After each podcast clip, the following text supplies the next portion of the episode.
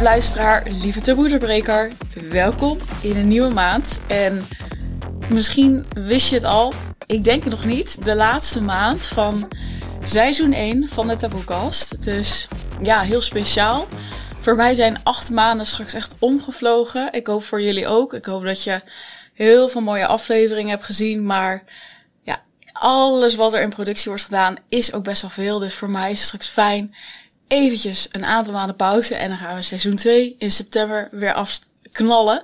Dus uh, zorg zeker dat je dan uh, ook weer paraat staat voor nieuwe afleveringen. Maar deze maand, we zitten nog steeds in de, de vrouwelijke omgeving, ondanks dat het een andere maand is. Uh, we gaan het deze maand hebben over het lijf en alles wat daar taboe omheen kan zijn. Nou, tegenover mij, welkom lieverd. Hallo. we gaan het vandaag hebben over um, ja, chronisch ziek zijn. Ja, en dan, hè, jij komt vertellen over MS. Ja. Zou je jezelf willen voorstellen aan de luisteraars? Zeker en vast. Uh, ik ben de Celine, Celine Willems, afkomstig, zoals je waarschijnlijk hoort, uit België. Um, en via via met Vee in contact gekomen. En zij heeft mij gevraagd om hier vandaag wat meer te komen vertellen over mijn leven met MS en de taboes daar rond. Ik heb dus zo'n zes jaar en een half geleden MS gekregen. Uh, dan is de diagnose gesteld, zal het zo zeggen. Maar ik was daarvoor toch al een acht, negen jaar op zoek naar een diagnose.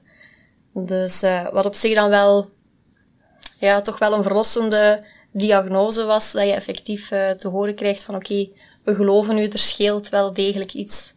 Want de jaren daarvoor was ik, ja, van hier naar daar gestuurd en, en niemand eigenlijk die mij geloofde. Uh, veel dokters zeiden van het is psychisch, ga naar een psycholoog, psychiater, begin met erover te praten en dan komt het wel in orde, al die klachten die je hebt.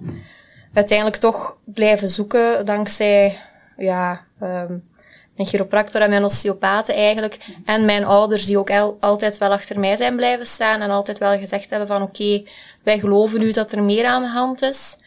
Dus zo zijn we eigenlijk blijven blijven zoeken. En dan heb ik in um, oktober 2016 de diagnose gekregen. Ja. En hoewel dat, dat voor mij ergens het einde van een hoofdstuk was, het afsluiten van het, ja, van het toch wel blijven zoeken naar wat is er nu aan de hand. Ja, de onwetendheid. Of ja, ja, dus eerste, in eerste instantie was ik opgelucht. Dat ja, was eigenlijk ik, zeggen, ik hoor jou het zeggen en uh, ik kan me voorstellen dat mensen denken, hè, opgelucht, weet je wel. Ja.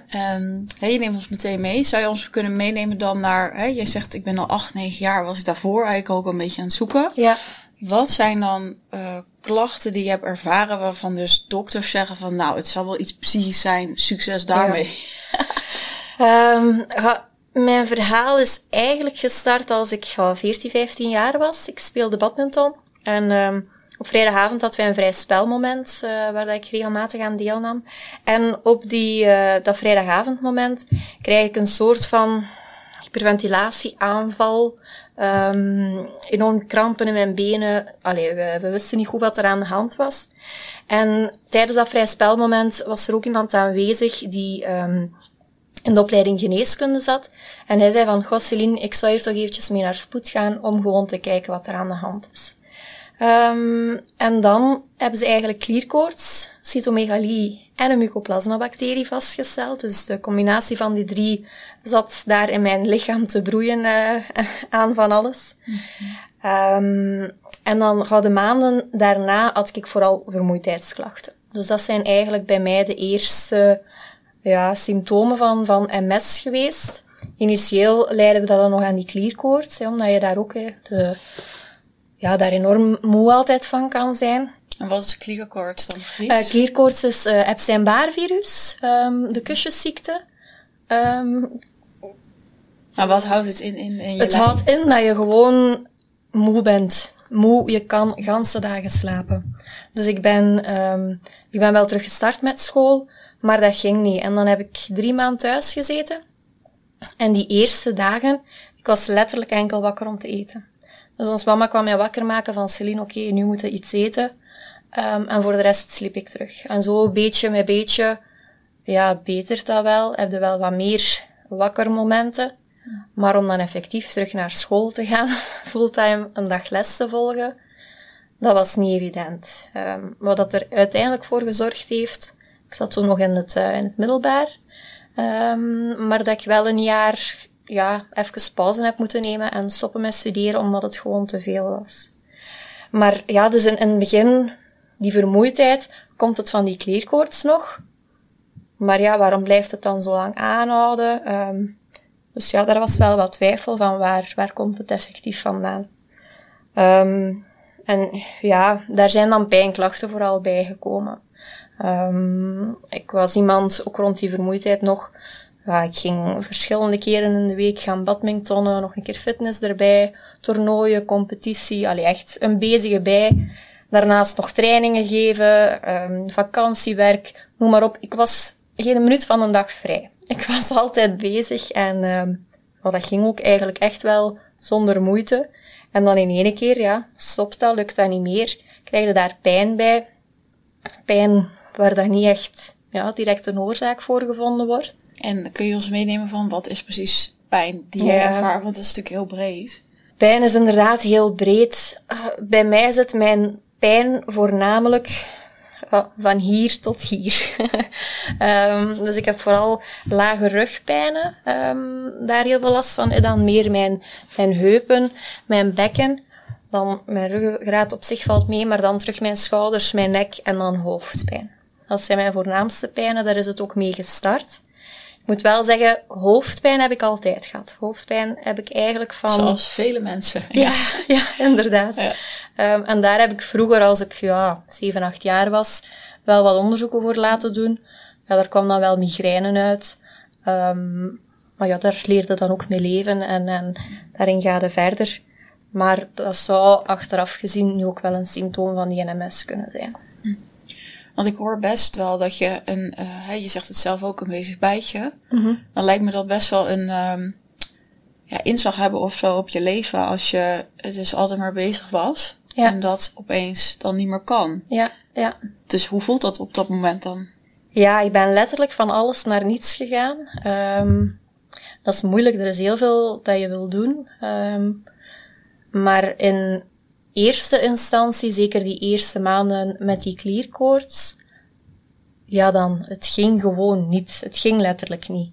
Terwijl later, als je er dan wel terug wat meer doorkomt, na die klierkoorts, maar ook al, ja, nu echt dat de diagnose er al is, je hebt wel ja, een potje energie.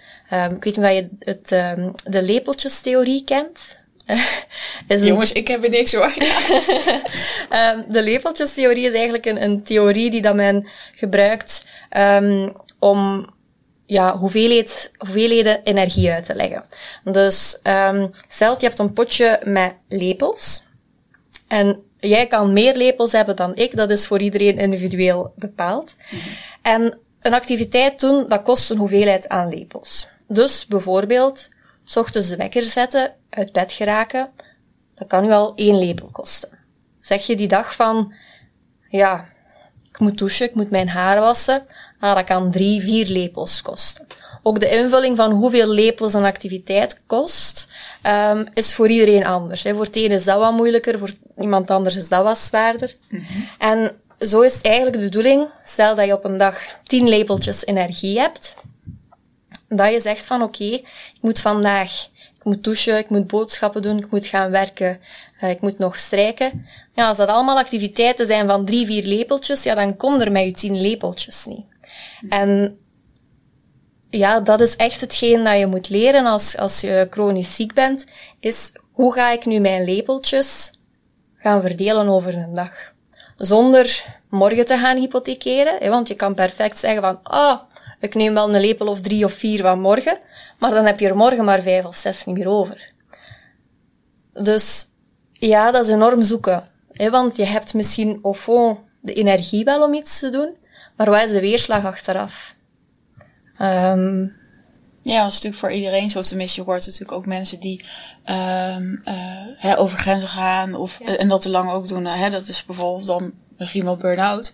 Maar het lijkt me, als je, in wat jij zegt, als je gewoon ziek bent, moet je daar altijd nog veel bewuster mee omgaan. Mm-hmm. Omdat misschien mijn lijf, als ik er een beetje overheen ga, dat ik ook wel merk van, ik ben wat meer moe. Maar ik kan me voorstellen dat bij jou dan nog meer impact heeft ook. Ja, ja, ja, absoluut. Ik kan perfect zeggen van, um, ja, ik doe die activiteit wel nog, wetende dat dat eigenlijk te veel lepels zijn, of dat het te zwaar is, ja, dan ga je echt morgen al gaan hypothekeren.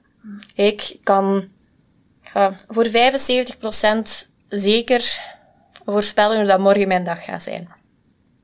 Dus als ik... morgen je dag na deze podcast? Ja, niet zo schitterend. Het is veel lepeltjes dan. Ja, ja, ja het zijn veel lepeltjes.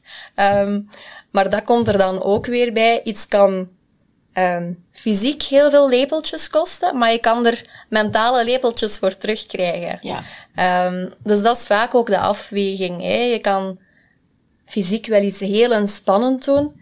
Um, ja, ik heb zo, ik ben bijvoorbeeld een tijd nanny geweest van drie jongens.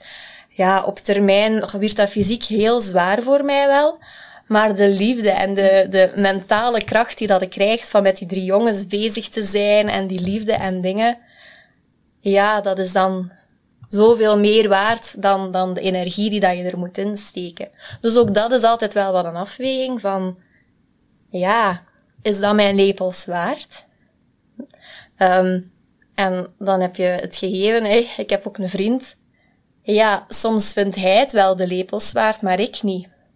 En wat doe je dan? Dus ook dat is zo wel, ja, soms wel zoeken en, en zoals in, in de meeste relaties, hè, zult je waarschijnlijk soms ook wel dingen moeten doen, hè, die dat je vriend belangrijk vindt, maar dat jij zoiets hebt van, moet ik daarmee naartoe? Um, maar ja. Ja, hey, schoonfamilie als je luistert. Nee, gaat het gewoon liefde. Nee, maar ik denk dat iedereen het in een relatie kent. Komen anders zo nog wel eventjes op van, hè, dat je, je bent sowieso met twee. Dus ja, helemaal alleen en dan denken van, ja, maar dit is wat ik wil. Ja, zo werkt het dan niet. Nee, of tenminste, dat moet je misschien niet in een relatie uh, Nee, waarschijnlijk niet. Het is toch een beetje, weet je, het is niet van helemaal, ik moet aanpassen, maar wel naar, hey, kan ik naar je luisteren? En wat maakt dat het belangrijk voor je is? Ja, en rekening houden met elkaar, hè? Ja. ja. Oké, en uh, hè, maar het heeft natuurlijk acht, negen jaar geduurd. Dus het lijkt me ook hè, dat, je, dat je op een gegeven moment is dan dat, dat in bed liggen is dan misschien uh, wat minder. Of tenminste, mm want dat bleef denk ik niet acht, negen jaar zo nee, nee, duren. Nee, nee, um, het lijkt me heel onzeker. Of tenminste van wat is er nou precies? En wat ja. je zegt, als je dan ook nog niet, dat er niet naar je geluisterd wordt, dat zou me best boos maken of ja. verdrietig ook. Ja, ja. ja. Ik denk dat dat, als dat een boodschap is die dat ik mag meegeven voor mensen die zelf nog in een traject zitten waarin dat ze zoekende zijn, blijf zoeken. Vraag om die tests te doen. Want dat was het bij mij gewoon in het begin. Ze wilden gewoon geen onderzoeken doen. Dus ja, als ze geen onderzoeken doen, dan allee, kan er ook niets niet, niet uitkomen. En wat was de reden dan? Het is te vaag wat je, waar je mee komt. Ik ben een jonge vrouw die stressgevoelig is en perfectionistisch.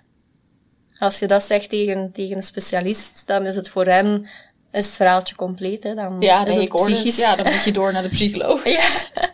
En ik ga zeker niet ontkennen, een deel van mijn klachten, ze vinden psychisch niet hun oorsprong, maar psychisch, ah, je psyche heeft er wel een invloed op. Um, ja, als je in een periode zit dat alles wat tegengaat en dat alles moeilijker gaat, ja, dan heb je gewoon algemeen meer klachten, omdat je mentaal gewoon niet zo sterk voelt. Terwijl als je periodes hebt, oei, ik gooi even mijn broek onder, jongens. Ik kom niet meer bij. We moeten een zakdoekje hebben. Komt goed. Het, is thee. jongens, als je op de YouTube kijkt, ik heb niet in mijn broek gezeken. het is thee. Nou, het is water gelukkig. Gemberthee. Geen probleem. Sorry, Rafael het is wel zo even de ja. ja, nee, dus ja, de combinatie van die dingen zorgt gewoon uh, dat ze denken van het is psychisch. En ja, dus die, die psyche heeft echt wel een invloed. Als ik uh, een zware kletterende, kletterende ruzie heb gehad met Gianni bijvoorbeeld, ik ga dan gaan slapen, ja, 9 van de 10 dat ik daarna, de dag daarna een slechte dag heb. Um, ja, als er iemand in uw familie gestorven is, of het is gedaan met uw lief, of weet ik veel wat, uiteraard heeft dat een impact. Um, dus, allee, ik ga zeker niet ontkennen dat dat er een rol in speelt, maar het is niet de oorzaak van mijn klachten. Um, en ja, ik zeg het, blijf echt gaan. Bij mij is dat echt dankzij, en dan even een shout-out naar, uh, naar Lien en Thibaut, um, mijn osteopaten en mijn uh, chiropractor.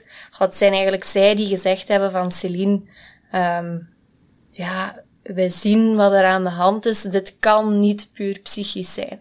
En door hen ben ik dan nog maar een keer naar de huisarts geweest, nog maar een keer een nieuwe doorverwijzing uh, gevraagd. En zo dan uiteindelijk bij iemand terechtgekomen die mij geloofde. Ehm, maar het is soms, ja, het is echt de boksen geweest. Ja, het klinkt echt wel strijden voor heel ja. het voel ik. En uh, je, je, je doet net of ik een soort van gek ben, psychisch alleen maar. Ja. Ja, en ik denk in sommige gevallen zal het wellicht kloppen. En dat maakt Tuurlijk. natuurlijk ook een beetje hè, dat die artsen zoekende zijn. Maar aan de andere kant, ja, kun je dit zo lang negeren? Is dat wel ethisch bijna? Ja, ja. Ik vind, allee, niet tegen psychische problemen, die, allee, die zijn er ook. En ik, ik, ik begrijp dat ook echt volledig. Um, en een psychisch probleem is zeker niet minder waardig dan een fysiek probleem, absoluut niet. Maar ik vind wel dat ze de moeite moeten doen om erachter te komen van oké, is het een psychisch of een, uh, een fysiek probleem? En dat ze niet gewoon op basis van ja, een aantal delen uit je verhaal moeten zeggen van oh, bij u, ja, dat is psychisch, hè, trek er uw plan mee en ga verder. Dus ja, als je al de testen doet en er komt echt niets uit, oké, dan kan het nog wel altijd iets fysiek zijn. 9 van de 10 zal het dat dan niet zijn, maar er zijn altijd uitzonderingen. Um, maar doe gewoon de onderzoeken, zodat je weet van, oké, okay, het is iets, iets mm -hmm. fysiek of er wordt fysieks niets, uh, niets gevonden. Ja, en dan is het 2016. En dan krijg je te horen, je zei zelf, het was even een opluchting. Snap ja. ik als je, hè, ik zit even mee, 8, 9 jaar, hoe, hoe lang is dat? Dat dat voelt. Ja. Maar ja, en dan? Ja. Ha, um, initieel ja, was er die opluchting. We reden naar huis. Um, ik weet, mijn ouders waren mee en mijn vriend was mee. Je rijdt naar huis en ja, omdat de, de zoektocht dan eigenlijk al zo lang bezig is, heel de familie en zo wist ook van oké, okay, dan moeten we terug naar de, naar de neuroloog ja, dan begint het met iedereen op de hoogte te brengen. En dat kan meevallen en dat kan tegenvallen. Hè. Van sommige mensen verschiet je in positieve zin, die er echt ja, voor u zijn in een manier die je niet verwacht had. En um, een concreet voorbeeld? In een lieve tekstje schrijven of uh, er zijn? Ja, of, een tekstje schrijven. Af en toe een keer een berichtje van, hé hey, Celine, hoe gaat het? Als we iets kunnen doen, um, laat het weten. Um, en eigenlijk is dat dat mensen zijn die, als ze dat niet gedaan zouden hebben, even goede vrienden. Maar dan mensen waarvan dat je verwacht, ja, die vrij dicht bij u staan, van, die zullen het een keer vragen van, hoe gaat het nu en, en hoe loopt het, neem de medicatie, die het gewoon negeren. Echt gewoon negeren, over alles werd gebabbeld, behalve ik die nu MS had. Um, dus dat was stevig, zo de ontgoochelingen mensen. Wat deed dat dat met je? Ja, dat is lastig. Um, ik denk, dat heeft er ook wel voor gezorgd dat er voor een stuk die verwachtingen loslaat. Dat je probeert om geen verwachtingen meer te hebben, omdat verwachtingen brengen teleurstellingen met zich mee. En als je niets verwacht en het toch krijgt, ja, dan kunnen nog maar gewoon allee, zo gelukkig ermee zijn en zonder dat je het verwacht had, is het er dan plots. Um, maar dat is hard, hè. We, iedereen leeft van verwachting naar verwachting, vaak. Um, ja, dat is hard geweest. Um, ja, lijkt me ook als het een, hè, wat je zegt, het is dicht, ik weet niet wie, maar een goede vriend, vriendin of familie waarvan je anders verwacht, is toch pijnlijk. En ja. helemaal omdat je gaat al door een proces heen. Ja. Ja. Ja, op, op gebied van vrienden kan ik zeggen dat ik nog één vriendin heb van voor het ziek zijn die er nog is. Oh, wauw. Ja, en al de rest is weggevallen. Maar is dat ook omdat, want ik zit al mee te denken, ik, en uh, dat, ik praat het niet goed, maar ik kan me ook voorstellen dat het is het ook niet ergens, weet je wel. Weten mensen wel hoe ze daarmee om moeten gaan? Of, nee. Want we hadden het net ook even over, en daar komen we zo wel op, van hè, wat, wat mensen een soort van vooroordelen hebben. Ja. En, en ja, hoe, hoe gaan mensen naar je kijken? Terwijl, ja, ja lieverd, je ja. bent gewoon Celine die tegenover zit, weet je wel. Ik ben gewoon net zo mens als ieder ander. Inderdaad, maar, ja. Ja, wat verandert er dan toch in iemands hoofd, hè? Ja, ik, ik merk dat het voor veel mensen moeilijk is van hoe moeten we daarmee omgaan. Mm -hmm. De vriendin die ik wel nog heb, is iemand die ook ja, op gezondheidsgebied wel wat sukkelt, dus zij weet wel wat het is. En zij geeft er niet om als ik zeg van oké, okay, um, nu is het echt, alleen vandaag gaat niet. Maar als je het ziet zitten, komt af. Ik zit nog in mijn pyjama, maar we kijken samen een film en En we doen dat. Ja. En ja, zij heeft daar nooit geen problemen mee gehad, plannen veranderen. ehm, en dat was nooit geen probleem. Maar voor andere mensen wel. En hey, nu probeer ik er al op te anticiperen. Heb bij jou ook wat de drie momenten afgesproken. in de hoop van dat er één van de drie Oh, zal jongens, lukken. eerst is gelukt. Eh. Morgen dan alle lepeltjes op, maar maakt niet uit. Nee, nee. Ja, het is een kwestie ook wel wat van voorbereiden, maar er zijn altijd ja, zaken die, die, die je gewoon niet in de hand hebt. Ja. Ehm, maar eh, dus, ja, zij, zij wist ook wel van ja, hoe het was. En, en ja, de andere mensen, velen weten niet hoe ermee om te gaan. Maar ik weet, een, een onkel kwam naar mij en zei, Celine, ik weet echt gewoon niet wat zeggen. Ik weet niet hoe dat ik hierop moet reageren, maar we zijn er. En dat is niet veel, hè? dat zijn twee zinnetjes. Maar die twee zinnetjes, die betekenen, of die zeggen zoveel meer dan niets zeggen. Of dan het gewoon negeren, of... Ik vind het heel krachtig als je dat durft Ja. te zeggen. Ja, absoluut. Absoluut. Want het is iets moeilijk, hè. Wat zeg je tegen een toen maar 21, 22-jarige, ehm, ja, die net te horen heeft gekregen dat ze voor de rest van haar leven ziek gaat zijn. Oké, het is geen, het is geen doodsvonnis, hè. Je gaat een mes niet sterven, maar ja, je weet wel dat er, de klachten gaan alleen maar blijven groeien. Hè. Ze gaan niet minder worden dan dat ze vandaag zijn. Ehm, dus ja, wat moeten zeggen? Ik vind dat zelf ook moeilijk als er iemand nieuw... hè, we zitten in een aantal Facebookgroepen van eh, mensen die MS hebben. Als daar iemand nieuw bij komt, wat moet je zeggen? Ja. Ja, ik ben er. Allee, als er iets is, stuur een bericht, belt. Ehm, ja, dat is misschien ook wel genoeg. ja, ja, vaak wel gewoon te weten van oké, die of die persoon kan ze bellen, kan ze sms'en wanneer dat nodig is. Ehm, en eigenlijk is dat inderdaad genoeg dat je gewoon weet en voelt van die zijn er voor mij. Ja. Ja, mooi. In het begin eh, had je toen nog werk of iets? Of hoe is dat gegaan? Het jaar dat ik mijn diagnose heb gekregen, zat ik in mijn laatste bachelor. Ehm, dus ik heb, ik heb eerst een jaartje eh, bachelor ergotherapie gedaan. Ehm, maar omdat ik dan ook eigenlijk al, ik had dan nog geen diagnose, maar wel de klachten al. Ehm, ik raakte daar niet door mijn neuroanatomie. Dus eh, ik heb eigenlijk dat eerste jaar gedaan en dan heb ik een sabbatjaar genomen. Ehm, om gewoon even ja, te herbronnen, te kijken, wat wil ik met mijn leven? Eh, ik heb dan, ben bijvoorbeeld drie weken naar Bali geweest. Eh, ik heb een, een drietal weken in psychiatrie, kan je dat niet noemen, het Namastihuis, dat is in Gent. Ehm, en dat is een huis waar dat ze eigenlijk 101 vormen van therapie aanbieden.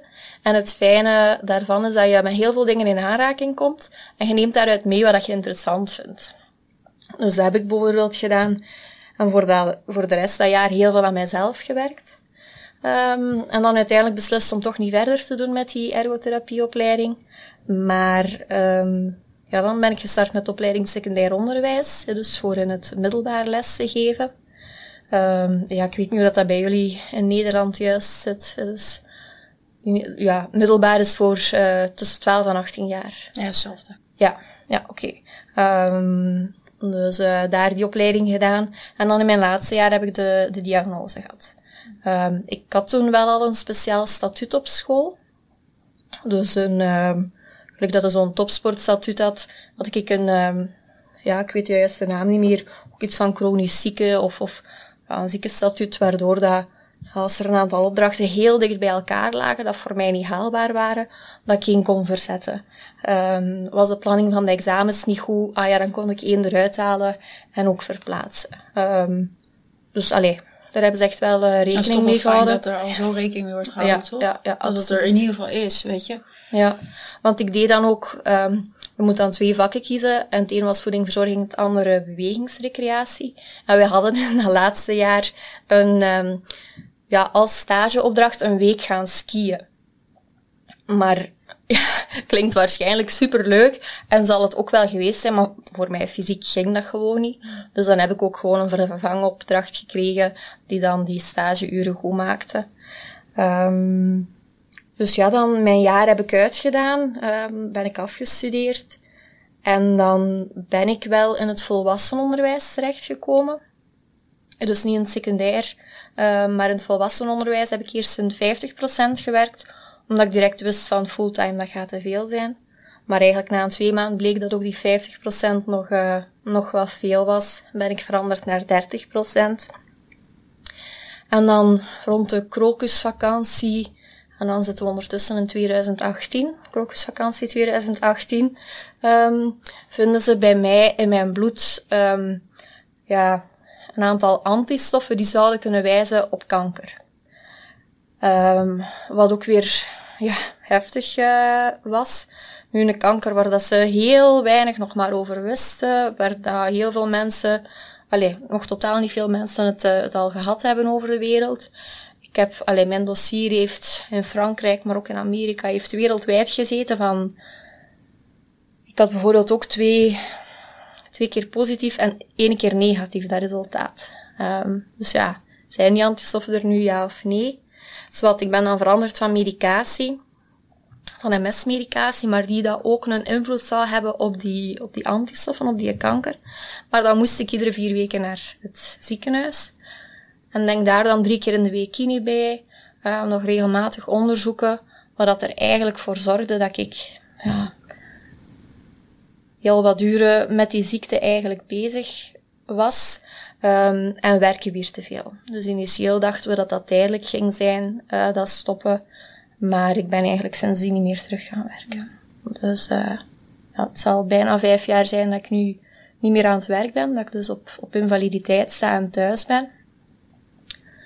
Um, wat in het begin wel wat zoeken was. Um, maar uiteindelijk is dat goed. Um, ik kan mij focussen op mijn behandeling, wat bewegen, maar ook gewoon op, op fijne dingen. door veel mensen wordt er, kan er zo gezegd worden van ja, je zit toch een ganse dag in de zetel. Dat is toch plezant? Ja, nee. ik doe dat ook niet voor mijn plezier, die uren in de zetel of in bed, dat je aan het rusten bent. Um, ja, ik zie mijn job, voor mij is mijn job ziek zijn. En ik kan spijtig genoeg niet veranderen van job, dat zou handig zijn. Um, maar dus de uren, en ik zeg dat niet s'avonds als ik met Johnny in de zetel zit en tof serie aan het kijken ben, dat niet. Maar die uren dat je in de zetel of in bed spendeert, zijn uren dat je aan het werken bent. En als je dan een keer een goede dag, een betere dag hebt, ja, dan wilde ook gewoon iets fijn doen. Dan wilde een keer met een vriendin afspreken. Dan wilde een keer op date gaan met Johnny. Um, dus ja, ook dat is zoiets dat gemakkelijk gezegd wordt van, oh, jij hebt het leven, uh, je moet niet werken, je krijgt je inkomen. Uh, wat ook maar beperkt is, maar... Uh, ik vind dat best wel een uitspraak naar iemand die chronisch ziek is. Ja. En hoe heb je dat voor jezelf dan meer geaccepteerd? Want je zei in het begin heb ik daar meer moeite mee gehad. Nu hè, zeg je van, nou ja, dit, ik ben ziek, dus mm daar gaat gewoon veel tijd naartoe. Ja, ah, in het begin had ik nog zoiets, um, dus ik ben dan rond de krokusvakantie tussen krokus en Pasen gestopt met werken. En dan heb ik wel even mijn tijd genomen om het allemaal te verwerken. Maar na de zomer werd dan eigenlijk wel duidelijk van, oké, okay, terug gaan werken zal niet gaan. Um, vooral omdat mijn dagen zo onvoorspelbaar zijn. Dus je kunt s ochtends opstaan en oké okay zijn, maar je kunt ook super slecht zijn. En ja, als je dan les moet gaan geven, moet je er wel staan. En terwijl met een bureaujob is dat misschien nog anders. Kun je misschien nog wat meer plannen van...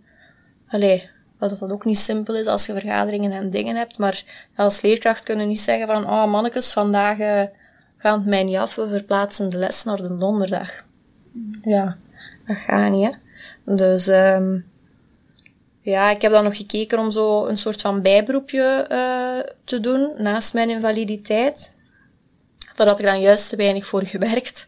Um, ik moest 50% gewerkt hebben en ik had maar 49,5 gewerkt. Dat is ook lang een, een frustratie wel geweest, van dat ik dus omwille van een halve procent te weinig gewerkt um, geen bijberoep mocht doen. Um, maar ik denk, als ik er nu op terugkijk, dat dat ook gewoon was om zingeving op een andere manier ehm, te vinden. Mhm. Ehm, Ja, want hoe vind je die zingeving nu? Want ik kan me wel voorstellen dat mensen inderdaad luisteren. Nou ja, sommige reacties van, eh, nou is fijn hè, want je hoeft niet zoveel. Dan denk ik, nou, ik weet niet of dat zo plezierig is als ik naar mezelf kijk. En als ik jou net heb gehoord dat je een bezig bijtje was. Ja. Ja, je doet het op andere manieren. Ik probeer nu heel transparant te zijn over hoe dat mijn leven als chronisch zieke eruit ziet. Eh, door te delen op, op Instagram, af en toe eh, een vlog of podcast eh, te doen, maar eigenlijk voornamelijk door te delen online. En nu hier te zitten, ja. En nu hier te zitten, inderdaad. Ehm, en ik merk, ja, eh, mijn, mijn volgers, zal ik zeggen, ja, je hebt altijd een deel familie en vrienden die je volgen. Ehm, en dan zijn er twee grote groepen. Dat zijn mensen die zelf een chronische aandoening hebben, MS of iets anders. Ehm, en dan verder zijn dat mensen die iemand in hun omgeving hebben die ook een chronische aandoening heeft. En ja, ik ben ook iemand die geen blad voor de mond neemt en die ook de slechte momenten niet achterhoudt. Ik deel het allemaal. Ehm, en krijg regelmatig van dan andere chronisch zieken te horen van, oh, Celine, dat is echt fijn. Hetgeen dat je allemaal deelt, is echt voor ons een inspiratie. Ja, om, om te blijven volhouden, om positief te blijven, ehm, om ja, een manier te vinden om in het leven te staan. Maar langs de andere kant dan die mensen die in de omgeving van een chronisch zieke zijn, ehm, ja, zorgt mijn Instagram ervoor dat ze, dat ze die mensen ook gewoon beter begrijpen. Dat het niet is van, ah, die zit weer voor een tv, ziet die lui zijn. Maar nee, dat je gewoon dat dat lichaam rust nodig heeft, dat ze er ja, ergens toe geforceerd worden. Ehm, dus dat het allemaal wat meer duiding krijgt waarom dat iets op die manier gebeurt. Niet omdat de, omdat de mensen lui zijn, maar omdat onder ziekte ja, en er ergens gewoon toe verplicht. Ja, mooi. Ja, ik denk wel dat dat een groot stuk zingeving is. Als je voelt van, hé, hey, ik ben een soort rolmodel en ik kan daar kwetsbaar over delen en Ja. ik help de anderen natuurlijk mee. En Ja. of je nou zelf inderdaad gewoon ziek bent of iemand in de omgeving hebt en daar meer over wil weten. Dus ik denk dat ik, ja, dat snap ik wel, dat je dat eh, voldoening geeft. Ja. En je hebt het natuurlijk al een paar keer genoemd en het gaat ook over MS. Eh, Mhm. Voor de mensen die eh, de aflevering kijken, je zit natuurlijk nu in een rolstoel. Ja. Ik breng heel even de afbeelding van als je kijkt in beeld. Dat is natuurlijk niet voor de Mhm. luisteraars die hem luisteren. Dan kun je ook zien dat het fantastisch een helemaal afgestemde rolstoel op jou is. Tenminste, Ja. ik zei toen ik binnenkwam, oh wat leuk en wat, wat mooi of wat kleurrijk. Ehm, kun je ons meenemen in wat MS is? En ja, weet je wel, want ik zie een rolstoel. Is dat al meteen? Eh, weet je wel, want ik neem aan dat er klachten zijn. Ehm, MS is eerst en vooral, het is niet als je die diagnose krijgt dat je zeker in rolstoel gaat terechtkomen. Dat is zeker niet. Ehm, ze zeggen van MS ook wel een keer van het is een ziekte met duizend gezichten en dat klopt echt. Ehm, dus je kan honderd mensen naast elkaar zetten die MS hebben en je kan honderd ja, totaal verschillende ziekteverlopen zien. Er zijn uiteraard een aantal klachten waarvan dat we zien dat die vaak voorkomen. Vermoeidheid is daar een grote van. Ehm, bijvoorbeeld zo meer cognitieve problemen, ehm, concentratie, wat met die vermoeidheid wel wat samenhangt. Ehm, de ogen, ehm dus een oogzenuwontsteking is bijvoorbeeld iets dat wel regelmatig voorkomt. Problemen met de blaas eh, zijn zaken die gemakkelijk voorkomen. Gevoelsstoornissen, ehm, ja. Het is zo, MS ehm, is geen spierziekte, zoals veel mensen soms denken, maar is eigenlijk een neurologische aandoening. En we hebben ons zenuwen. En dan moet je een beetje vergelijken met een elektriciteitskabel. Dus je hebt die draadjes en daar rond zit een soort isolatielaagje. Dat ervoor zorgt dat de, de stroom mooi van punt A naar punt B kan gaan. En wat is er nu bij MS? Dat isolatielaagje, de myeline noemt dat, ehm, die is weg. Die is ontstoken, die is weg. Wat dat er eigenlijk voor zorgt dat bepaalde prikkels niet meer te goed doorkomen. Ehm, dus wat dat bijvoorbeeld bij mij, ik heb in januari een grote opstoot gedaan op mijn been. En ja, sindsdien heb ik hier nog altijd een enorm voos gevoel, enorm krachtvermindering in mijn been.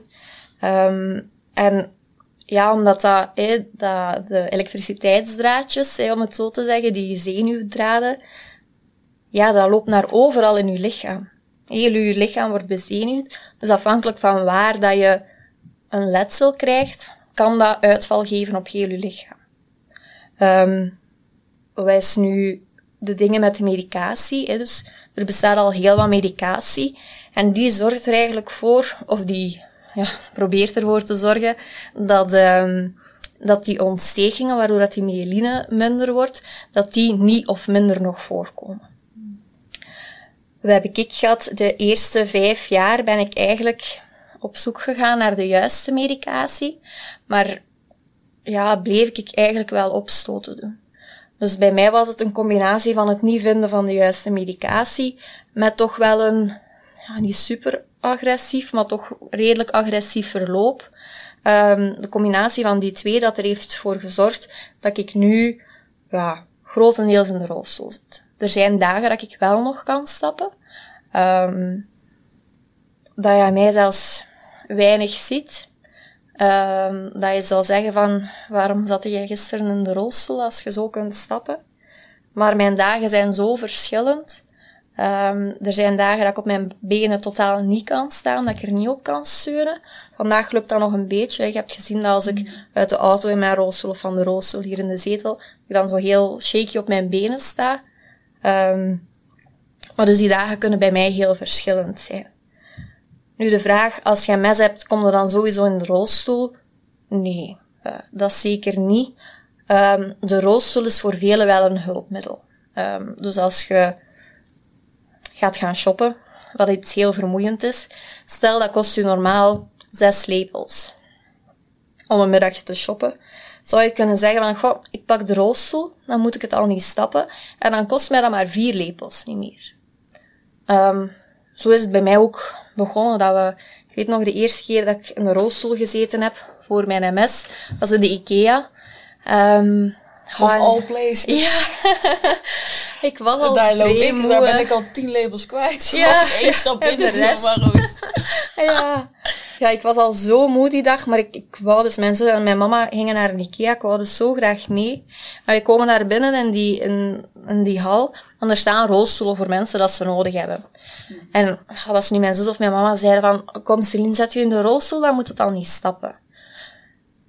En wat dat dan wel even een drempel is, want, allee, ja, 3, 24 jaar in een rolstoel gaan zitten voor de IKEA rond te chasen.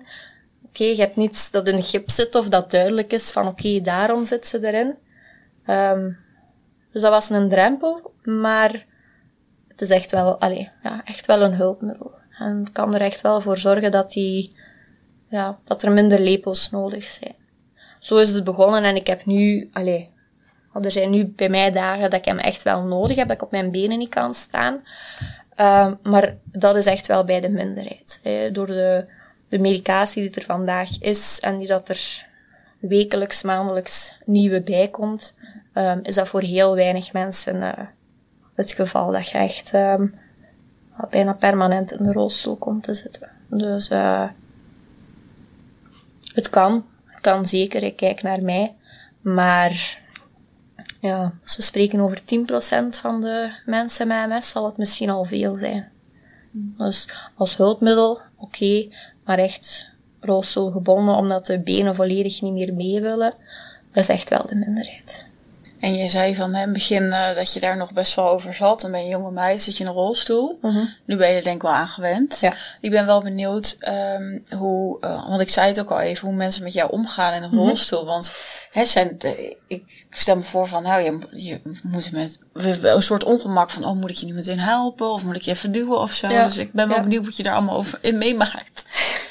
ik, ik, zal beginnen met een anekdote te vertellen over de rolstoel. Um, we waren gaan shoppen. Ik, denk was het met mijn zus of met mijn vriend, ik weet het niet meer. Dus wat. Ik zat dus in de rolstoel en ik was in de dingen aan het kijken en het was er nogal smal. En er wou dus iemand klaarblijkelijk kijken in het rek waar ik aan het kijken was. En wat doet ze? Ze pakt gewoon mijn rolstoel en ze duwt mij verder.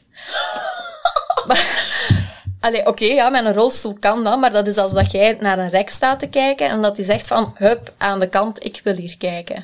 Het is, uh, als je asociaal opzoekt in het woordenboek, krijg je deze... Ja, die definitie. ja, dus oh, dat... God. Ja. Hey, wat heb je toen, wat reageer je dan? Je bent toch flabbergasted? Of... Ja, ik was op die moment zo sprakeloos dat ik er niets op gezegd heb. Um, nou, het is een soort object, je staat in ja, de weg, zo ja. uh, wordt iemand Terwijl, dan... Eigenlijk is dat een verlengde van je lichaam. Hè. Mijn benen dragen mij niet meer rond, maar mijn rolstoel brengt mij wel overal waar ik moet zijn. Mm -hmm. um, je hebt dan, dat zijn de uitzonderingen. Hè. De meeste mensen zijn super behulpzaam, um, hebben vaak meer de neiging van, oh, ik zal wel helpen, terwijl dat het niet nodig is. Um, ik probeer dat altijd een beetje, ja, wel te kaderen. Ik weet, mensen doen dat omdat ze, omdat ze goed willen doen, omdat ze willen helpen. Maar eigenlijk, bied het aan. Zeg Celine, als je hulp nodig hebt, laat het mij weten. We kunnen het af en toe een keer vragen van, moet ik u hier even mee omhoog helpen? Maar eigenlijk, als we hulp nodig hebben, gaan we het wel vragen. Ik ben vandaag met een auto naar hier gekomen. Mijn rolstoel zat in de koffer. Heb ik aan u gevraagd van, Vee, het lukt mij perfect om tot bij u te komen, maar ik heb wel hulp nodig om de rolstoel uit de koffer te nemen. En dus, dat heb ik natuurlijk gedaan. En, ja. Uiteraard. Dus dat. Dus, maar, ja, want, um, hoe, Vind jij dat er op een bepaalde manier naar jou gekeken wordt dan? Of, of heb je dat gevoel wel eens? Want ik kan me dus voorstellen, en daarom haal ik deze maand ook aan, dat heb ik niet verteld, maar ook iets met, met chronisch ziek zijn of ziek zijn, dat we misschien snel denken, oh je bent een soort van zielig. Mm -hmm. Of van, oh ja, ik, in het, wat je zegt, het, natuurlijk, het komt vanuit liefde en ja. uh, het is lief bedoeld, maar aan de andere kant, wat ik zeg, ja, hoe zie je dan iemand? Zie je alleen maar, oh je bent ziek, ik moet je helpen? Of zie je gewoon, oké, okay, er zit gewoon ook een mens die Ja. kan heuse grenzen aangeven. Of hulp vragen, weet je. Ja, dat is heel divers. Je hebt mensen, en dan voornamelijk mensen die je niet kennen, dat je over de straat uh, rolt. En um, ja, die de rolstoel zien en niet de mens die dat erin zit. En dan worden wel een keer van, je moet zien, allee, zo'n jong meisje al in de rolstoel, hè, wat zal er aan de hand zijn? Dat hoorde. Um, maar langs de andere kant, zeker nu met, uh, met hoe dat hij zo gepimpt is, de rolstoel, um, heel veel mensen die eigenlijk naar mij komen van, echt, uw rolstoel, kijk knap, het is echt, allee, je hebt er iets leuk van gemaakt. Ja, dat was ook meteen Ehm, mijn reactie. Ja. ja. Dat nodigt ook wel uit, ja. Ja, ja, en dan is mijn reactie ook van, ja, als je er dan toch gebruik van moet maken, doe je ook kleren aan die dat je leuk vindt. Ja, ik maak dan mijn rolstoel iets, niet dat ik het al, allee, ooit echt leuk ga vinden, maar je maakt er wel iets, iets mooi van en een, een deeltje van jezelf. En ergens merk ik ook dat dat een drempel naar mensen toe verkleint. Dat ze heel gemakkelijk u, u daarover gaan aanspreken en dat dat ergens um, een brug is naar een, een conversatie. Um, ik weet, er, er bestaan wel wat verschillende meningen over van, um, ja, als je in een rolstoel zit of, of mankt of met een stok of zo loopt. Um, ik persoonlijk heb er geen problemen mee dat de mensen aan mij vragen van, komt dat nu dat ik in de rolstoel zit? Ik weet dat er mensen zijn die daar meer problemen mee hebben, die dat zoiets hebben van, ja, mijn rolstoel is als een bril dragen. Je vraagt toch ook niet, waarom draag jij een bril? Ja, je draagt een bril omdat je slechte ogen hebt. Ja, precies. Um, maar met een rolstoel is dat nu nog wel net iets breder. Klopt. Um, dus ik persoonlijk maak er geen problemen van. Maar als je dat wilt vragen, zij voorzichtig van, mag ik dat vragen? Hoe komt het dat je in de rolstoel zit? Dan heeft de persoon die in de rolstoel zit, of met de kruk loopt, of dingen, ook dingen om te zeggen van, daar babbel ik liever niet over. Um, maar ik merk, ja, eigenlijk iets stom, een beetje wol en, en een haakpen, dat het ergens wel uh, een bruggenbouwer is voor mensen, dat, uh, dat een drempel wel verkleind wordt. Ja, dat snap ik ook. Ja, want het was meteen van, nou, je maakt iets persoonlijks van. En mm -hmm. ik vind het ook, uh, want ja, je kan het niet goed zien, misschien moet even in de camera. Je hebt ook heel leuke kleurrijke nagels. Ja, heel maar dan denk ik, um, ja, ik vind dat ook wel mooi. Ik weet niet, hè, dat hoeft, weet je, als je luistert denkt, nou, ik zit ook in een rolstoel en daar heb ik echt geen zin in. Dat is ook helemaal oké. Okay. Tuurlijk, Maar het is natuurlijk wel van, het geeft meteen iets af of hoe jij als persoon bent. Ik zei ook Ja. al, oh ja, kleur ik je nagels en die rolstoel. En dat vind ik dan, Ja. ik snap wel dat mensen het, uh, een dat het een stukje lichter wordt om Mhm. er naar te vragen. Ja. Omdat het een soort van, anders zou je dit ook niet doen. Nee. An- denk ik. Anders zou je gewoon een beetje in die rolstoel zitten en Ja. maar niet opvallen in die rolstoel. Ja, als je er inderdaad niet over zou willen babbelen, dan, want het valt op, hè. Ja, daarom. Rolt ermee door de straat en in een knalrode rolstoel met dan nog zo fleurige wielen. Ja, het valt gewoon op. Dus het, het, ik heb er ook gewoon geen problemen mee om erover te babbelen. Het, uh, misschien nog een, een... hier ook niet. Nee. nee. nee, nee, inderdaad. Misschien nog een leuke anekdote. Ik was, uh, ik denk in januari, um, waren we in Fantasialand in Duitsland. En uh, ik doe wel redelijk wat mee als, als Shani mij erin draagt, maar sommige dingen zijn ook gewoon te veel en dan blijf ik dus uh, wachten. En je hebt daar redelijk wat van die, um, van die brugjes. En op een bepaald moment, ik denk dat dat ja, dat was een kindje dat juist kon stappen. Liep aan de handjes van de mama. En de mama kijkt achterom en dat kindje loopt verder. Maar ja, nog niet goed kunnen stappen. Dus die valt naar voren en ik was juist op tijd om haar uh, op te vangen. Dus ik zet haar recht. En ja, ik had ook ik had iets van een bloemetje of zo in mijn haar en dan mijn rolstoel. En dat kindje, ja, zoals mijn rolstoel niet, zich, niet, uh, niet zag, Oh, mama, mama, je moet zien, de bloemenfee heeft mij gered. Ik ben niet gevallen, die heeft mij geholpen. Oh mijn god. En ja, echt fantastisch. Ik word er emotioneel van, zo lief. Ja, ja. ja. zo kinderlijk. Ja, en dat is gewoon zo fijn aan kinderen. Ja. Die zien die rolstoel niet. Of, allee, ze zien u nog altijd als mens. Oké, okay, in een rolstoel. Ze gaan ook veel meer rechtuit zijn. Ja, als je in de supermarkt staat en de waarom zit jij in een rolstoel? Waarom stapte jij niet?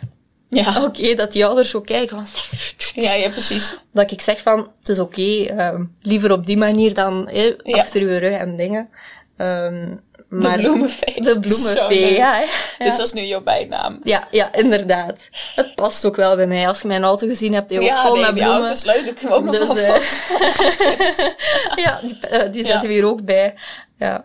Nee, als het maar ja, fleurig en kleurrijk is, dan uh, is het wel Celine. Dus, uh, ja. ja. Nou, ik vind het ook wel mooi dat je dat gewoon nou ja, nog naar buiten blijft dragen. En dat dat mm -hmm. dus helemaal niet uitmaakt of je nou nee. gewoon ziek bent of niet. Ja, dat is gewoon Celine. Ja, ja, inderdaad. Ik ben altijd een heel fleurige, kleurrijke madame geweest in alles dat ik deed. Dus waarom zou ik dat nu ineens niet meer doen? Gewoon omdat je van die rolstoel gebruik moet maken. Ja. Het is niet, allee, ja, omdat je in die rolstoel zit, dat, ja, dat je een saai grijs leven moet, moet leiden. Hè.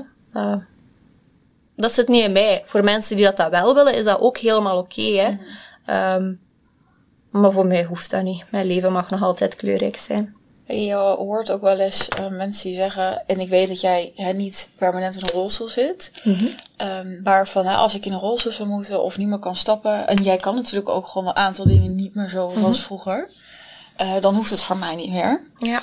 Dus hoe ben jij dan zelf in uh, het stuk van, oké, okay, inderdaad, ik, ik heb een ziekte en want ik weet niet welke dingen je bijvoorbeeld echt niet meer kan en of je dat zou missen.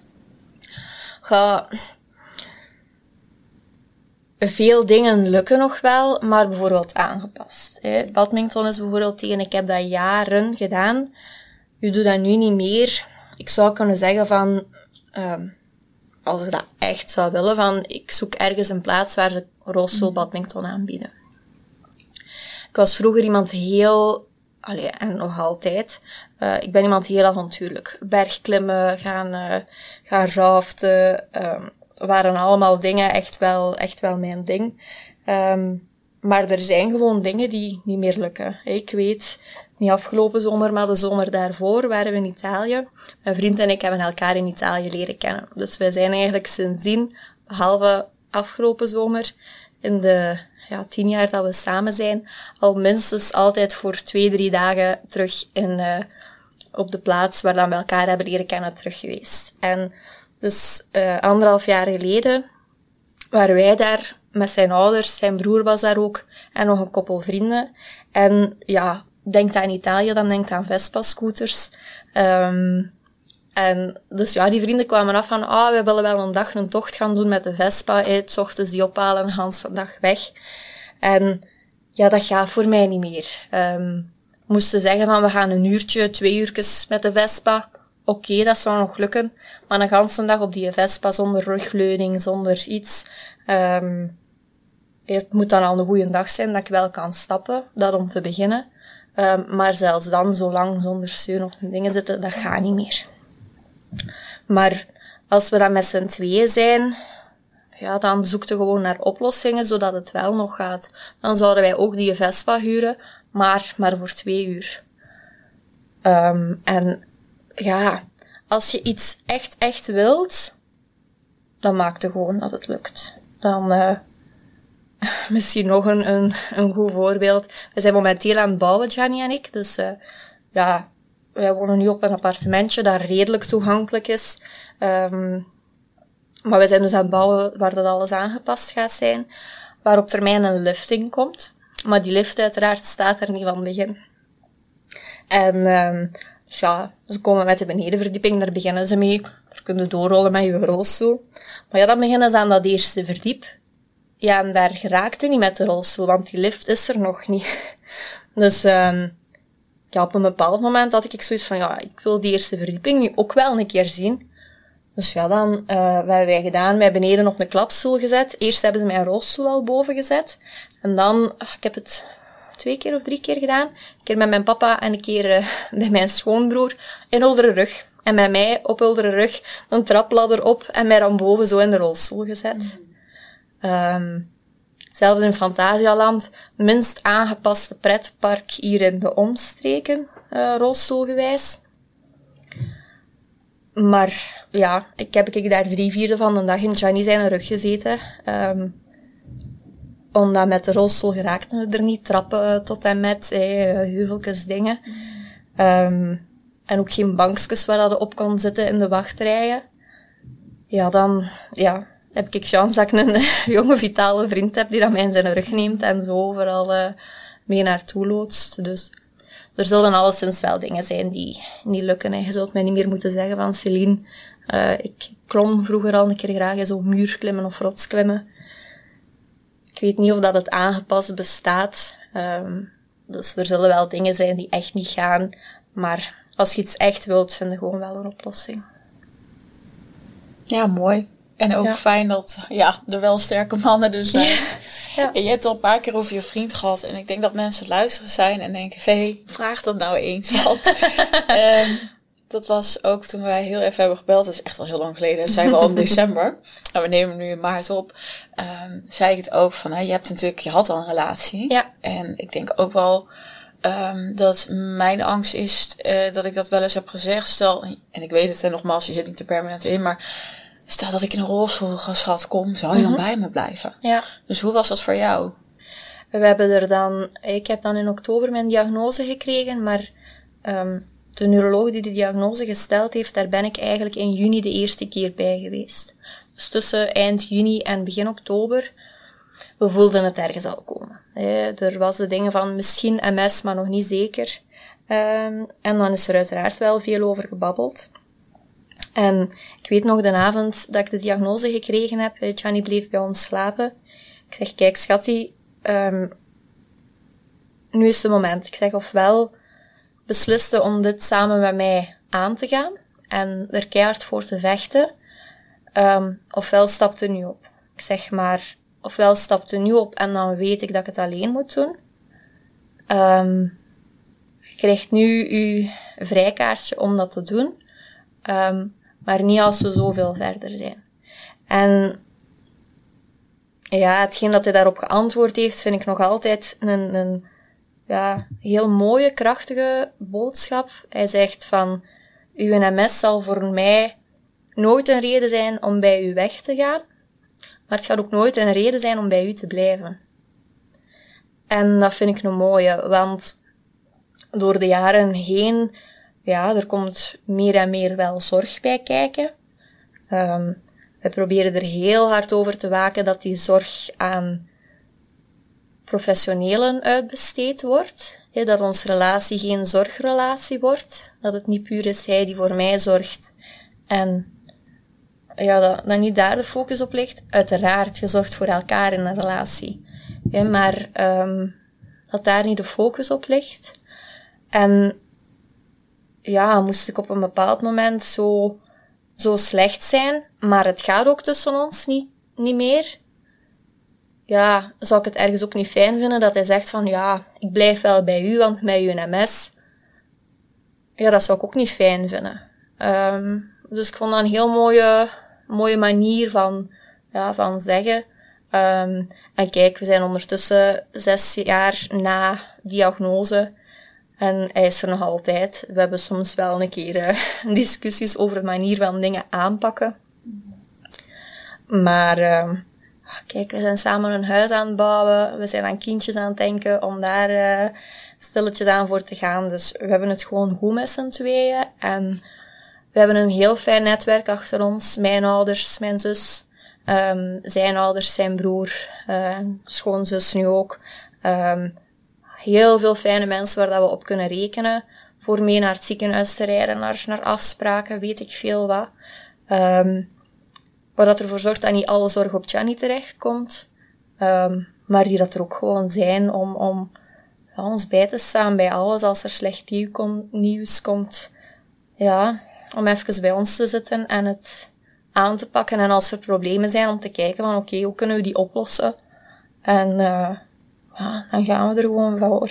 Een heel mooi antwoord. Ja. Ja, echt. Uh, zo zou het denk ik ook moeten zijn, weet je.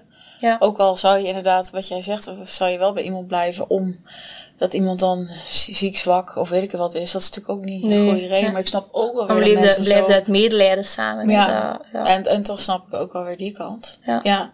Hey, ik, ik was benieuwd van, en dat gaat misschien een beetje een rare vraag zijn, want je kan er niks aan doen. Maar mm heb je ooit wel eens schuld? Of dat je denkt van, ik ben tot last? Of dat je dat ooit hebt gevoeld?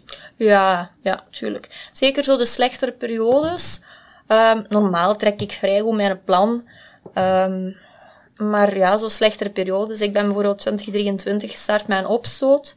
Als die dan aan de betere hand was, heb ik COVID gehad. Um, dus ik ben de eerste anderhalve maand heel, ja, heel slecht geweest. Een aantal dagen in het ziekenhuis. Ja, dan komt er ook niet veel in huis van koken en dingen. Dus dan is het veel gemakkelijker een keer, ja, pizzatje of frietjes gaan halen. Of iets dat in de diepvries zit. Dan komt er ook gewoon wel veel meer op, op, op zijn nek terecht. En op de, de nek van, ja, van mijn mantelzorgers.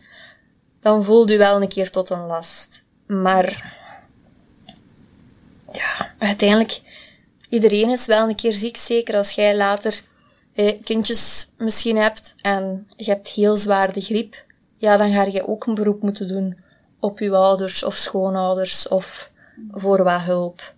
Um, dus ja, ik denk zolang dat, die, dat de hulp niet de overhand neemt, gemiddeld gezien, um, dat dat wel meevalt. Maar tuurlijk voel je sommige dagen echt gewoon een last en denkt van, waarom zijn ik hier eigenlijk nog? Ik ben alleen maar jullie tot last en, en wat heb ik nog aan deze leven?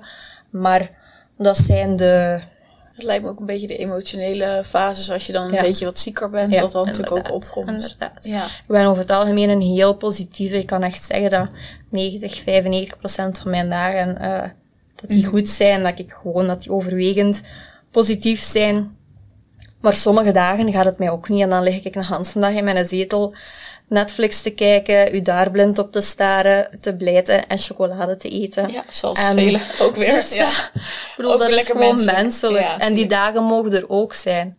En ik denk dat het net is, doordat ik die dagen, vroeger had ik dat er veel lastiger mee, dan liet ik die er niet zijn. Maar het is sinds dat ik het toelaat, die dagen, dat ik mij veel meer, veel beter voel. Ja, zeker als zit je in het verzet en dan ga je alleen maar slechter voelen waarschijnlijk. Of langer. Ja. ja. Het is zo'n quote, it's okay not to be okay. En sinds dat ik dat voor mijzelf heb geaccepteerd, ja, is er wel een verschil gekomen. Dan zijn er gewoon wel veel betere dagen. En dan heb ik het over mentaal, hè. fysiek. Dat zal er altijd zijn, maar mentaal kan ik echt wel zeggen dat 90, 95 procent van mijn dagen goede dagen zijn.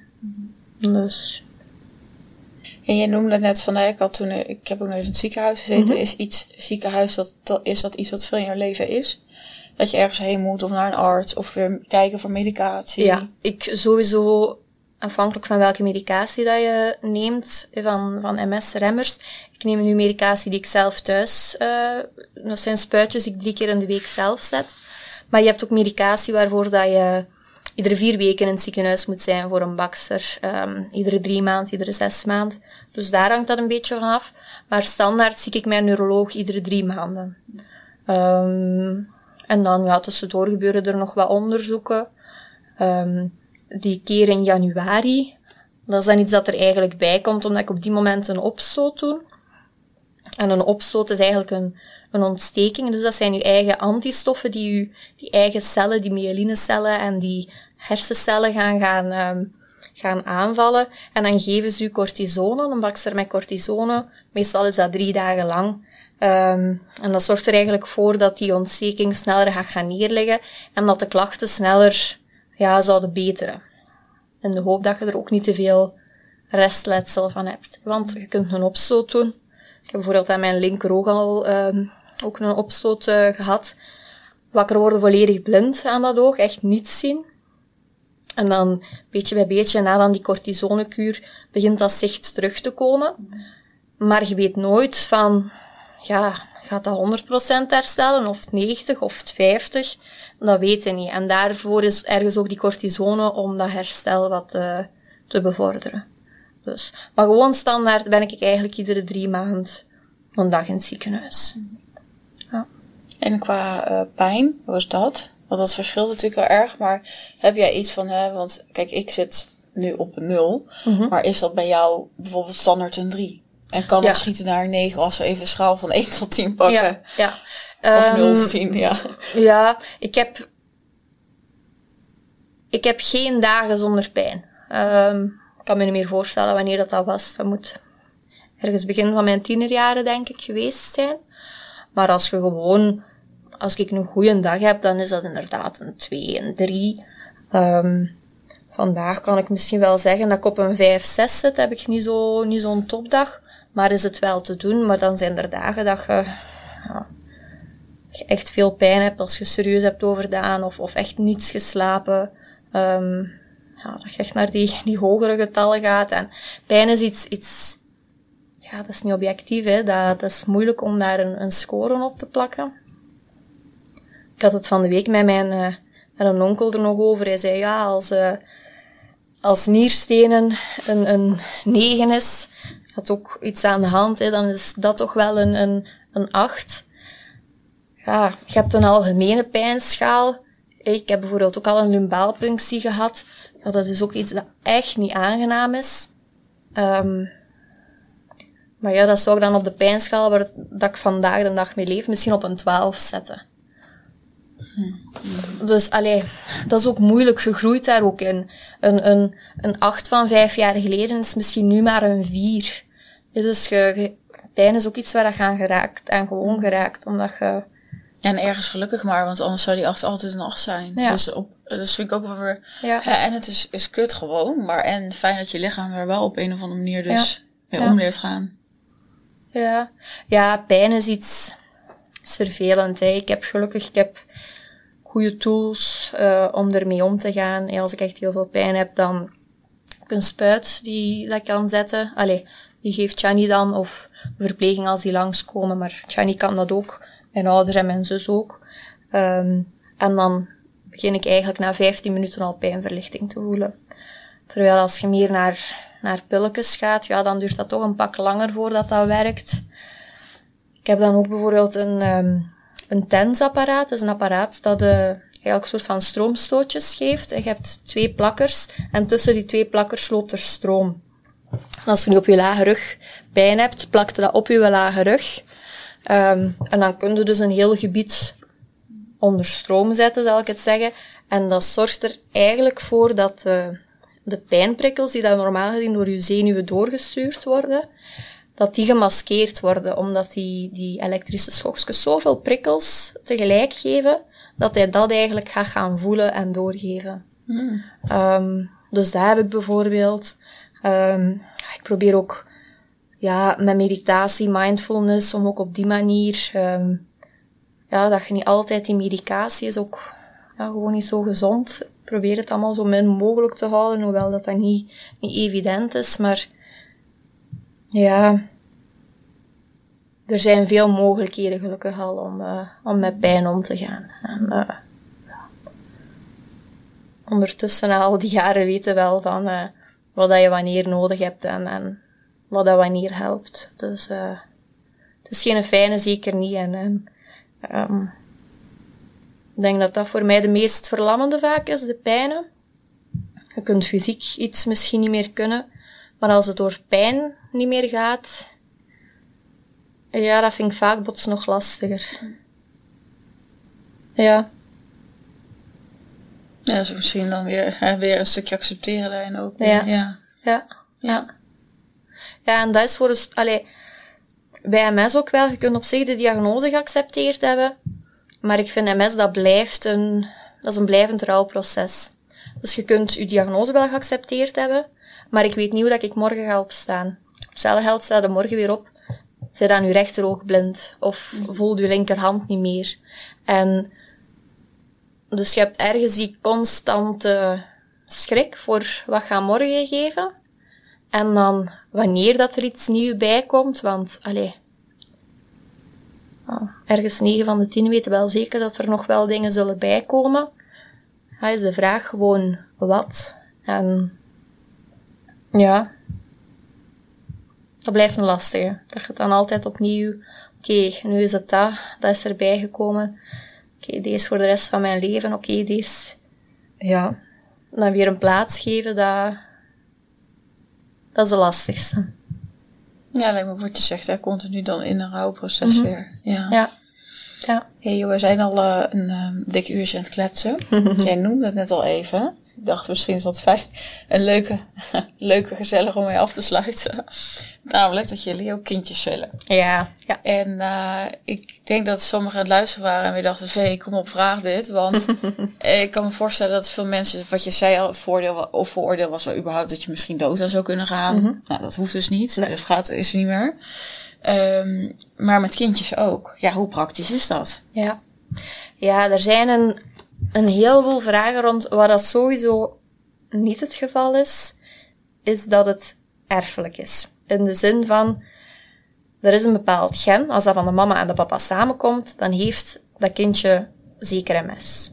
Dat is het niet. Hè? Dus bepaalde ziektes hebben dat. En twee genen moeten samenkomen, hup, en daar komt dan MS uit.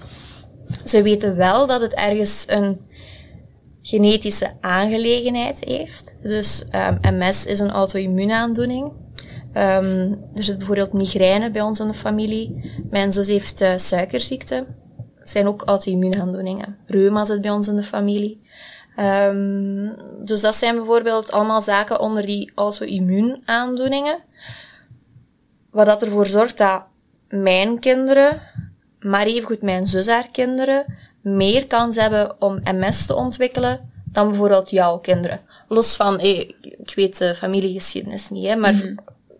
mijn kinderen binnen onze familie, die kinderen hebben meer kans om een auto-immuun uh, aandoening te ontwikkelen. Terwijl dat, dat bij jou, hey, als dat niet in de familie zit, dat er minder kans toe is. Wat weten ze nog? Klierkoorts, uh, hetgeen dat ik ook gehad heb. Dat dat ook een factor is die meespeelt. Maar speelt dat voor 10% mee of voor 50%? Dat weten we nog niet. Um, hoe zuidelijker, hoe dichter tegen de evenaar dat je woont, hoe minder kans dat je hebt om MS te ontwikkelen. Dus zo zijn er al een, ja, er zijn al een heel aantal zaken die ze weten, maar het is nog niet dat ze kunnen zeggen van, oké, als je dat en dat en dat doormaakt, of die en die en die factoren, die komen samen, dan gaat het MS ontwikkelen. Dat weten ze nog niet. Um, dus allee, uiteindelijk hebben wij de keuze gemaakt om voor kindjes te gaan. Um, we gaan dat wel zien. Ik hoop uiteraard dat ons kindjes gewoon gezond gaan zijn. Um, daar ga ik ook van uit. Ik wil mij dat niet voorstellen van, allee, um, dat mijn kinderen niet zouden hebben, omdat, ja, net gewoon omdat ze niet weten wat dat nu echt de oorzaak is. Um, en dan komt er de vraag, ja, Celine, je zit in een rolstoel, uh, er komt iemand om je te helpen douchen, hè. je kunt nog niet voor jezelf zorgen, bij wijze van spreken. Wat gaat er dan voor een kleine liggen Ja, dat bedoelde ik ook met, hè? het is niet praktisch misschien. Nee. Ja. Dat is waar. Dat is waar. En mensen hebben daar ergens een punt bij. Het dingen bij mij, um, in theorie zou ik alles nog zelf kunnen. Um, maar het is vaak een keuze. Douchen is bijvoorbeeld iets dat heel veel energie vraagt. En als je ervoor kiest om daar hulp voor te vragen, weer die lepels, dat je gewoon minder lepels moet gaan afgeven. Dus ik vraag dan liever hulp om te douchen. En dat ik s'avonds een verse, ja, verse kan maken. Terwijl je zou ook kunnen zeggen van oké, dat douchen doe ik wel zelf, maar dan eten we het s'avonds altijd pizza. Snap je? Dus dat is wat afwegen. Maar het Ehm, lijkt me ook wel met kinderen, hè? want ik vind nogal bot gezegd als iemand zou zeggen van, nou ja, dat moet je niet doen, want hè, dat is ook jullie goed recht, jullie zijn heel lang samen, dus natuurlijk, hè, Mhm. veel mensen willen dat natuurlijk, en als je dat wilt, natuurlijk eh, kan dat dan, maar ik lijkt me ook wel dat, eh, hè, jouw, ik denk jouw vriend wel moet beseffen dat hij misschien wat meer moet doen dan. Mhm. Helemaal omdat jij zegt van, hè, als douche al zoveel levens kost, ja, zo'n kleintje en die Ja. vasthouden en zo, dat lijkt me Mhm. ook best intensief. Ja, tuurlijk, tuurlijk. En er zijn, hé, ehm, bijvoorbeeld, je hebt een hele slechte nacht, 's ochtends je echt met heel veel pijn wakker. En een C, je geraakt wel uit bed, maar moeilijk totdat je die pijnstilling en zo hebt gehad. Ja, dan komt de vraag ook, en, en zo hebben we heel wat scenario's overlopen. Oké, ik ben gaan werken en mijn vriend zijnde, je bent alleen thuis. Pardon, met die kleine, wat ga je dan doen?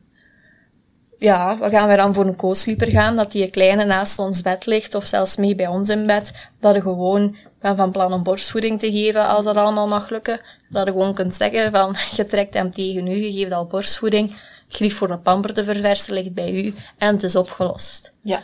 Ehm, en zo zijn er wel wat scenario's die dan we doorlopen hebben van, oké, dat kan hem stellen.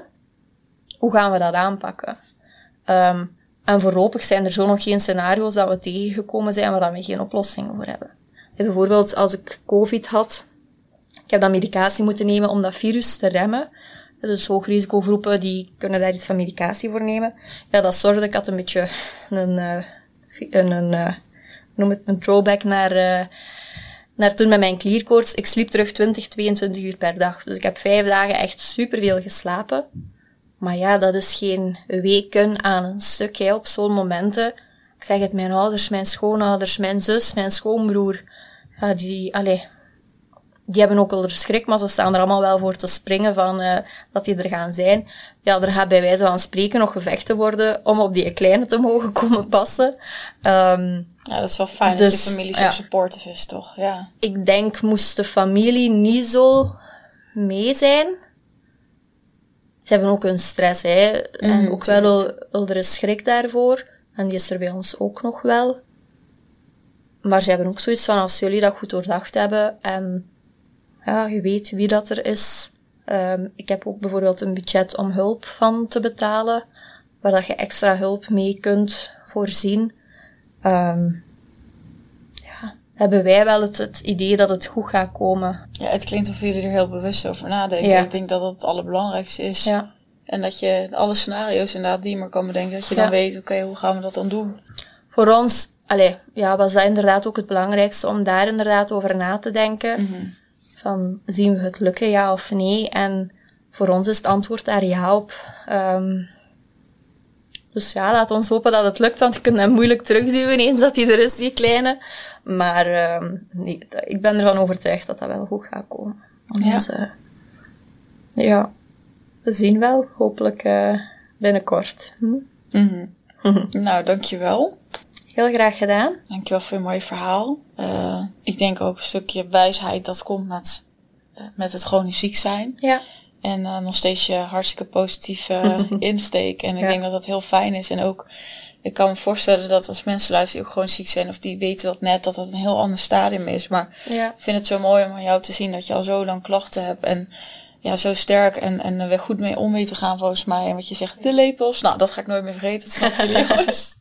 Ja, dus dankjewel. Ja, heel Ja. graag gedaan. Dankjewel om mij te vragen en om het onderwerp ook mee eh, in de kijker te zetten, want dat is echt wel ja, een belangrijke. Ehm, dus met wat meer mensen dat we die boodschap kunnen verspreiden van chronisch ziek zijn, Ja. moet geen taboe zijn. Ehm, hoe beter dat dat gaat lukken gewoon. Hè. Dus, eh, Ja. Het was heel fijn om hier te zijn. Dankjewel. Fijn. Dan gaan we hem lekker afsluiten. Ik zie jullie volgende week weer bij een nieuwe. En eh, ja, ik zie jullie dan. Doei! doei doei!